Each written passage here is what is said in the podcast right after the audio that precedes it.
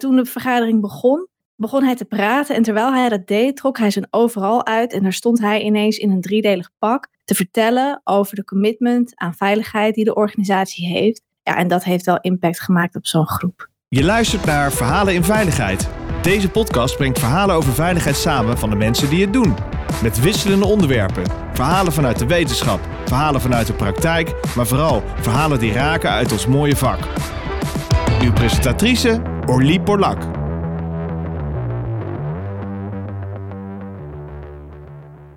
Welkom eh, luisteraars, het is weer tijd voor een uh, mooie podcast. Ik zit in de studio met Selma Piric. Selma, welkom. Dankjewel. Selma is safety expert, auteur en trainer. Ze houdt zich voornamelijk bezig met human factors als het gaat om veiligheid. Momenteel is Selma bezig met het schrijven van een boek en hiervoor heeft ze wereldwijd 30 safety professionals geïnterviewd met de vraag: wat heb je echt gedaan om een positieve transformatie richting veiligheid te bewerkstelligen?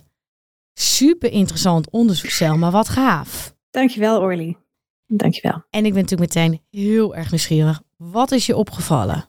Wat mij is opgevallen, ja, om te beginnen, wat is eigenlijk een safety rebel? Lang niet iedereen had daar een goede associatie bij. Sommige mensen werden wel echt getriggerd door te zeggen van, nou, supercoole naam. En anderen die zeiden van, ja, maar ik ben helemaal geen rebel. En toen ben ik dat gaan uitdiepen. En toen dacht ik, ja, dit gaat eigenlijk niet zozeer om een persoon die niet van regels of autoriteit houdt, maar wel een professional die kritische vragen blijft stellen. Waarom doen we de dingen zoals we ze doen? Wat kunnen we nog meer doen om veiligheid beter te begrijpen? Dus vanuit dat oogpunt ben ik begonnen met mensen interviewen. En wat me is opgevallen is dat het tussen de oren krijgen van veiligheid van mensen werkt het allerbeste als je daar een creatieve draai aan weet te geven. Wellicht kennen jullie nog wel het filmpje van de rappende steward op een Amerikaanse airline vlucht die viral ging. Omdat mensen toen ineens wel gingen opletten bij de veiligheidsdemonstratie. Dat is inmiddels alweer een tijdje geleden, maar het geeft wel aan wat mensen motiveert om op te blijven letten.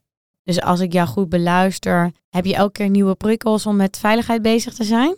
Ik weet niet of het gaat om prikkels, maar ik kan je wel een voorbeeld geven van iemand die ik heb gesproken binnen de luchtvaart, die zijn eigen draai wist te geven aan dus die creativiteit. Hem werd gevraagd om een presentatie over veiligheid te geven aan het hoger management en dat wilde hij heel graag op een ludieke manier doen. Dus hij kreeg de opdracht om iets te zeggen van, nou, dit is hoe veiligheid binnen de organisatie staat. En wat hij had gedaan, is hij was eerder naar de vergaderzaal gegaan om allerlei onveilige situaties te creëren. Zoals een doos zogenaamde rattengif bij de koffieautomaat, een onbeheerde tas in de zaal. En zelf stond hij in een werk overal onbeveiligd op een hoge ladder aan wat draden te trekken uit het plafond. En mensen druppelden binnen en hij was in de veronderstelling dat ze er allemaal wel iets van zouden zeggen, of op zijn minst een paar. Maar toen de vergadering begon, begon hij te praten en terwijl hij dat deed, trok hij zijn overal uit en daar stond hij ineens in een driedelig pak te vertellen over de commitment aan veiligheid die de organisatie heeft. Ja, en dat heeft wel impact gemaakt op zo'n groep. Wat een leuk voorbeeld. Je had ook wel kunnen denken van misschien had er op een t-shirt moeten staan. Heb jij alle risico's net gezien? ja, ja een bingo. Tussen al die 30 mensen heb je nog meer van dit soort mooie creatieve verhalen. Nou, wat me opvalt is dat het toch nog best wel lastig blijft om een verandering te bewerkstelligen in de zin van, ja, je hebt wel echt een lange adem nodig. En daarbij moet je eigenlijk ook niet schuwen dat je kijkt naar andere disciplines. En bijvoorbeeld verandermanagement kan daar echt wel handvatten in bieden. Je moet ook wel de, de politieke fijngevoeligheden binnen een organisatie kunnen begrijpen en ook kunnen bespelen om toe te werken naar een verandering. Want uiteindelijk willen mensen toch weten van ja, wat heb ik eraan? En ja, als je dat niet weet uit te leggen, dan wordt het wel wat lastig. En zijn er ook, ik kan me heel goed voorstellen als mensen openhartig met jou praten, dat ze je ook wel eens vertellen wat er gewoon frustreert. Hè? En hebben ze dat ook een beetje aan je verteld? Dat hebben ze zeker wel verteld. En ik denk dat het overkoepelende daarin is wel dat het toch wel dezelfde dingen zijn. Dus bijvoorbeeld dat verandering niet snel genoeg gaat dat het vaak vastloopt bij het management. Of misschien dat het management heel graag wil, maar dat het moeilijk uit te leggen valt aan de mensen die het werk doen, dus het operationeel personeel. Dus uiteindelijk komt het toch wel neer op één ding en dat is van ja, hoe gaan we dat bewerkstelligen? En ik noemde net al van je, je moet wel goed kunnen uitleggen wat een ander eraan heeft. Maar ja, ik heb daar wel een mooi voorbeeld van, want ik moet er eigenlijk altijd denken aan die scène van The Wolf of Wall Street, waarin de hoofdrolspeler vraagt aan zijn nieuwe salesteam om hem een pen te verkopen. En iedereen begint te praten over hoe geweldig die pen is. Ja, het is one of a kind. En hij schrijft ongelooflijk goed. En hij past makkelijk in je zak, et cetera, et cetera. Maar ja, met andere woorden, de focus ligt dan op de karaktereigenschappen van de pen. Maar het antwoord is eigenlijk best wel simpel. Hij zegt: Wil je mijn nummer opschrijven? Nou, dat willen ze wel. En beginnen te zoeken naar een pen. Iedereen klopt op zijn zak. En op een gegeven moment dan zegt hij van ja, ik heb een pen voor je. Wil je hem kopen? En zo werkt het ook met veranderingen. Je kan wel logisch beredeneren van het, het klopt, het moet en we worden links en rechts ingehaald. Maar als je niet weet uit te leggen wat een ander eraan heeft, dan wordt het wel een beetje lastig. En daar zit vaak de frustratie. En heb je daarom deze mensen ook betiteld als safety rebel? Want daar begon je verhaal mee, safety rebels. Is dit ook wat een rebel is? Ja, zou ik niet zo stellig willen zeggen. Ik weet ook niet of mensen zich daarin herkennen. Uiteindelijk, wat ons bindt, is dat we gewoon willen werken aan veiligheid. Daar gaat het uiteindelijk om. En op welke manier je daar komt, ja, dat is natuurlijk voor elke context en situatie en cultuur is dat anders. Maar ja, we moeten wel kijken van wat kunnen we nog meer doen. En wat in mijn ogen een rebel maakt, is dat je bijvoorbeeld wel kijkt naar dit is de theorie die daarover beschikbaar is. Deze concepten kennen we. Dit is de denkwijze die nu helemaal hot is. Maar kan je dat ook even naast je neerleggen en gewoon kijken naar je eigen organisatie en zeggen van maar ik denk dat we het zo moeten doen. Ja, precies. En wel heel gaaf dat je zoveel mensen hebt mogen spreken. Hoor. Ik denk dat het wel uniek is en ook leuk dat je daar een boek over gaat publiceren. En mag je al wat vertellen over wat conclusies die jij uit die gesprekken hebt kunnen halen? De ontwikkelingen in het denken over veiligheid hebben echt een vlucht genomen. En ik zie ook steeds meer organisaties die verder willen kijken dan alleen wat nodig is vanuit regelgeving. Maar ik denk ook wel dat we nog wel een lange weg te gaan hebben. Bijvoorbeeld in het opnemen van veiligheidstaken in de productieomgeving. Dus ik sprak bijvoorbeeld een chirurg die vertelde dat hij en zijn collega's worden beoordeeld op het draaien van hun productie. Dus operaties en visiteloop op de verpleegafdeling, et cetera. Maar al het andere, het bespreken van operaties, het voorbespreken, nabespreken, de kwaliteit, patiëntenveiligheid, ja, dat wordt dan niet gezien als zijnde werk. Het is wel onderdeel ervan, maar ze worden er niet op beoordeeld. En dat is eigenlijk best een rare manier van kijken naar professionaliteit. Een andere conclusie die ik ook heb getrokken is dat psychologische veiligheid een term is die ik steeds vaker hoor terugkomen. Dat vind ik echt opmerkelijk, want vanuit de scholing die ik heb gehad, werd dat allemaal geschaard onder safety culture, onder just culture. En nu hebben we het echt over de psychologische veiligheid van mensen, van werknemers binnen de gehele organisatie. Dus ook daarin denk ik, we moeten zeker blijven kijken naar andere disciplines, waaronder organisatiepsychologie, om dat mee te kunnen nemen. En wat heeft jou het meest geraakt eigenlijk in al die verhalen? Hè? Zijn er ook persoonlijke dingen wat je zegt, ja, ik weet niet of ik hier per se een conclusie uit kan halen, maar wel iets waardoor ik anders naar de stof ben gaan kijken? Dat is een goede vraag. Ik heb met iedereen die ik heb gesproken, voelde ik echt die band van een veiligheidsprofessional, van het echt wel willen en proberen en er alles aan doen om het beter te maken voor degene die het werk moet doen. En het mooie is dat je er eigenlijk ook niet over uitgepraat raakt. Nou, dat weet jij met je podcast en natuurlijk alle andere initiatieven die je hebt. We raken er niet over uitgepraat. En daarom vind ik dat veiligheid en het denken over veiligheid, het raakt toch ook wel heel vaak aan, nou, bijna het filosofische omdat je al heel snel komt op onderwerpen zoals van ja, hoe meet je het eigenlijk? En hoe weet je of hetgene wat je meet dat het goed is? En ja, wat is veiligheid? En het raakt het filosofische en, en dat maakt die gesprekken altijd zo diepgaand en waardevol en zinvol en nou, ook wel verbindend. Nou, mooi. Ik heb deze week ook allemaal interviews gehad. Ik moet eerlijk bekennen dat, ja, bij mij gaat het niet in mijn koude kleren zitten. Dus ik moest deze week mensen interviewen over arbeidsongevallen. En dan heb ik altijd in mijn hoofd, ja, ik wil voor de mensen staan. Ik weet niet hoe ik dat uit moet leggen, maar dan, mhm. ik wil je helpen, ik wil je beschermen, ik wil je ja, beschermen, dat gevoel, wil voor je gaan staan. En dan moet ik altijd tegen mezelf zeggen, ja, maar dat is nu jouw taak niet. Jouw taak was het verhaal ophalen. Ja. Maar dat heb ik ook met veiligheid. Veiligheid is zo'n primair gevoel. Dus dat dan ga je naar je werk en je wil gewoon je werk doen.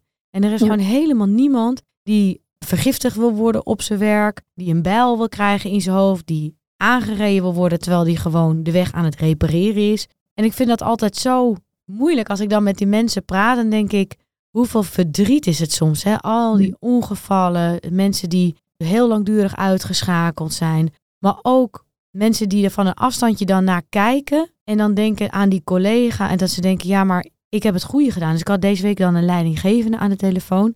En die, die had een soort intuïtie dat hij dacht, dit is niet goed, het gaat niet goed met hem. Hij zegt ook tegen die meneer, tegen zijn collega, joh, gaat het wel goed met jou? En hij krijgt gewoon een fout gevoel en hij denkt, ik ga de ambulance bellen. Hij belt Mhm. de ambulance en in de ambu krijgt hij al een berichtje van, joh, het is kantje boord, krijgt bijna geen zuurstof meer in zijn bloed. En hartstikke goed dat je, je meteen eh, gebeld hebt. Maar hij komt dan thuis en denkt achteraf, maar als ik nou de verkeerde beslissing had genomen, als ik nou niet Ja. had gebeld, als ik nou had gezegd, ga maar naar de huisarts, kijk maar morgen hoe je je voelt. En hoe zo'n ervaring ja, meegaat in, in het leven van zo'n leidinggevende. Ja, dat vind ik veiligheid. Dat vind ik echt heel mooi. En al die verhalen, Ja. hoe het met mensen doet. En mij raakt het elke keer weer. Dan denk ik, ja, Ja. we zijn met de goede dingen bezig. Ja. Mensen helpen, zorgen dat het beter wordt. Het is wat bijzonder eh, dat je al die gesprekken hebt. Ik ben benieuwd of je nog eh, een ander verhaal met ons mag delen. En nog heel even inhaken op wat jij net zegt over ja, als je nou een andere beslissing had genomen. Ja, in dit geval is het natuurlijk eh, hartstikke goed afgelopen, maar je hebt heel vaak dat dat dan niet het geval is. En dan krijg je last van de coulda, woulda, shoulda. Could have done that, would have done that, should have done that. En dat, dat laat je niet los. En dat maakt ook echt een enorme impact. En eigenlijk is het ook wel een beetje gek als je kijkt naar... Mensen praten over de human factor, de menselijke factor, maar dat, dat is best wel vreemd. Want uiteindelijk is de mens degene die dat werk moet doen. En als ja, je omgeving er niet op gericht is, dan kan je toch amper spreken van een menselijke factor. Je moet wel kijken naar het hele systeem, want de factor mens blijft er altijd in zitten. Dus de factoren eromheen in het hele systeem zouden onder de loep genomen moeten worden. En niet alleen de mens wat een symptoom kan uiten van het probleem. Dus dat vind ik altijd een beetje ja, tricky aan de term human factor. Nou, dan wil ik nog even aanvullen op wat, wat jij net vertelde. Ja, heel vaak denken mensen dat het aan gedrag ligt. Hè? Dus dan krijg ik ook wel eens een telefoontje van... eh, het gaat niet goed met het eh, gedrag van de mensen op de vloer. Ze werken niet veilig. Ja. En ik heb daar wel eens een, eh, een leuke oefening voor. Ik noem dat vissen gooien naar elkaar. Vissen in de onderstroom. Ja, sommige mensen hebben er nog nooit van gehoord. Maar dan gaat het eigenlijk over wat is de koffiebraad? En dat willen we dan naar boven halen. En dan, ja, dan gaan we vissen gooien met de stelling. Er wordt hier onveilig gewerkt en het is jouw schuld. En dan nemen we Ja. allerlei posities in. Dus allerlei functierollen, of ja, allerlei rollen in. Dus de ene keer kan het een productiemedewerker zijn, de andere keer is het een inkoper, dan is leidinggevende of een, een site manager of een directeur. En die mogen dan vissen naar de andere rol gooien. En dan zie je heel snel dat het niet aan één gedrag ligt. Ja, Want men gooit over en weer. Er wordt niet veilig gewerkt omdat je regels kloppen niet, de werkdruk is te hoog, jij volgt de regels niet op, je draagt niet goed over aan een collega. Dus elke rol, dat is eigenlijk een reflectiespel, Mhm. heeft wel heel feedback op de andere rol. En als je Mhm. dat spel heel groot maakt, dan krijgen mensen ook inzicht in het systeem.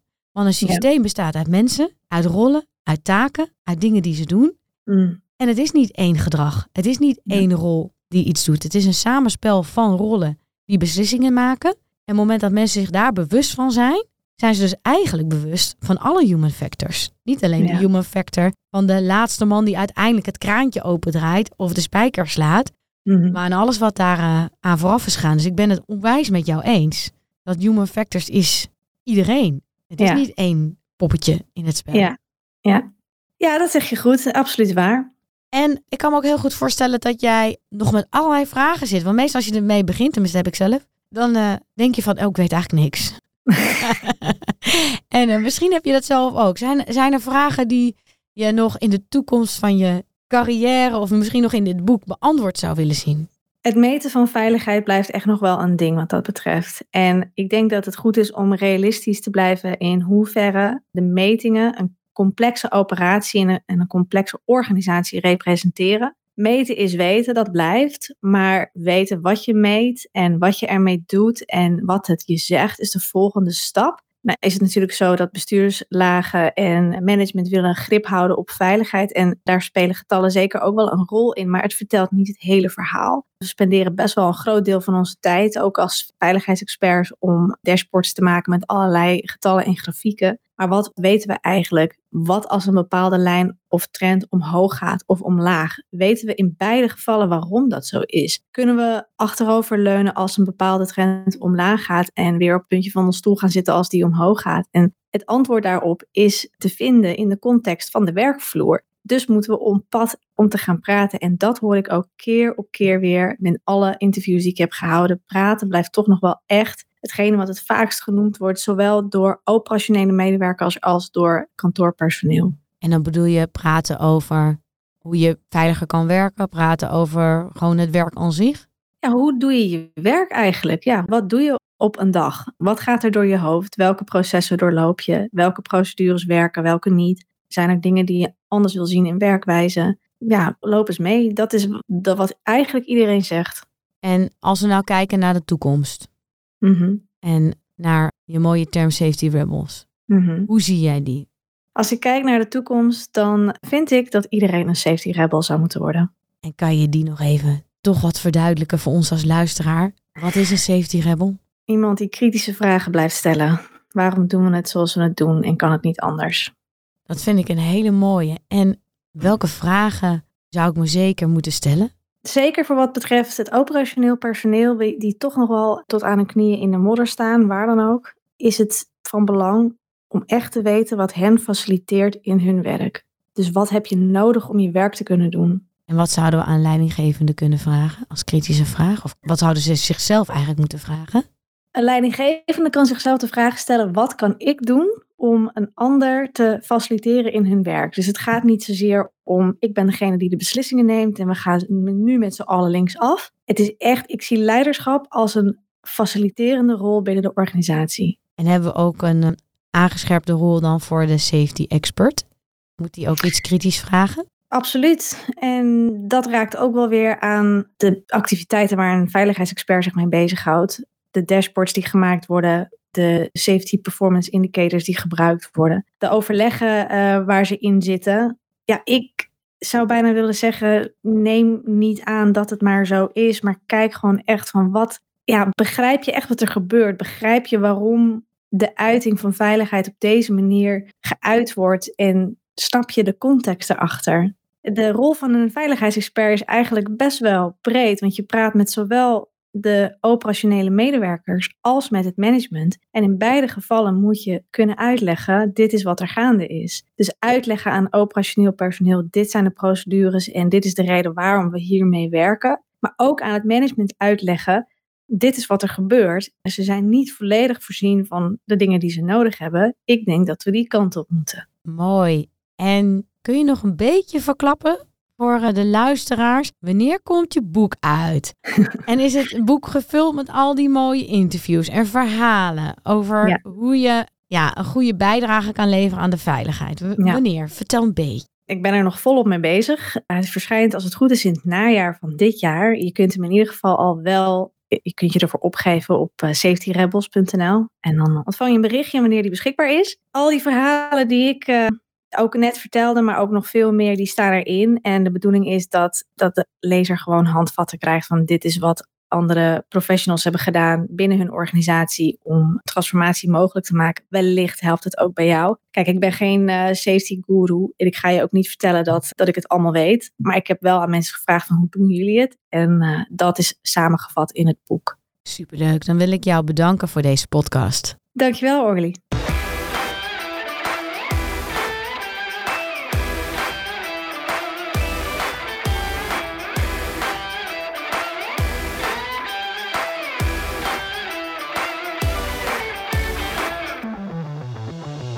Je luisterde naar Verhalen in Veiligheid. Wil je niks missen van deze podcast? Abonneer je dan op deze podcast in je favoriete podcastplatform. Of laat een recensie achter via Apple Podcast.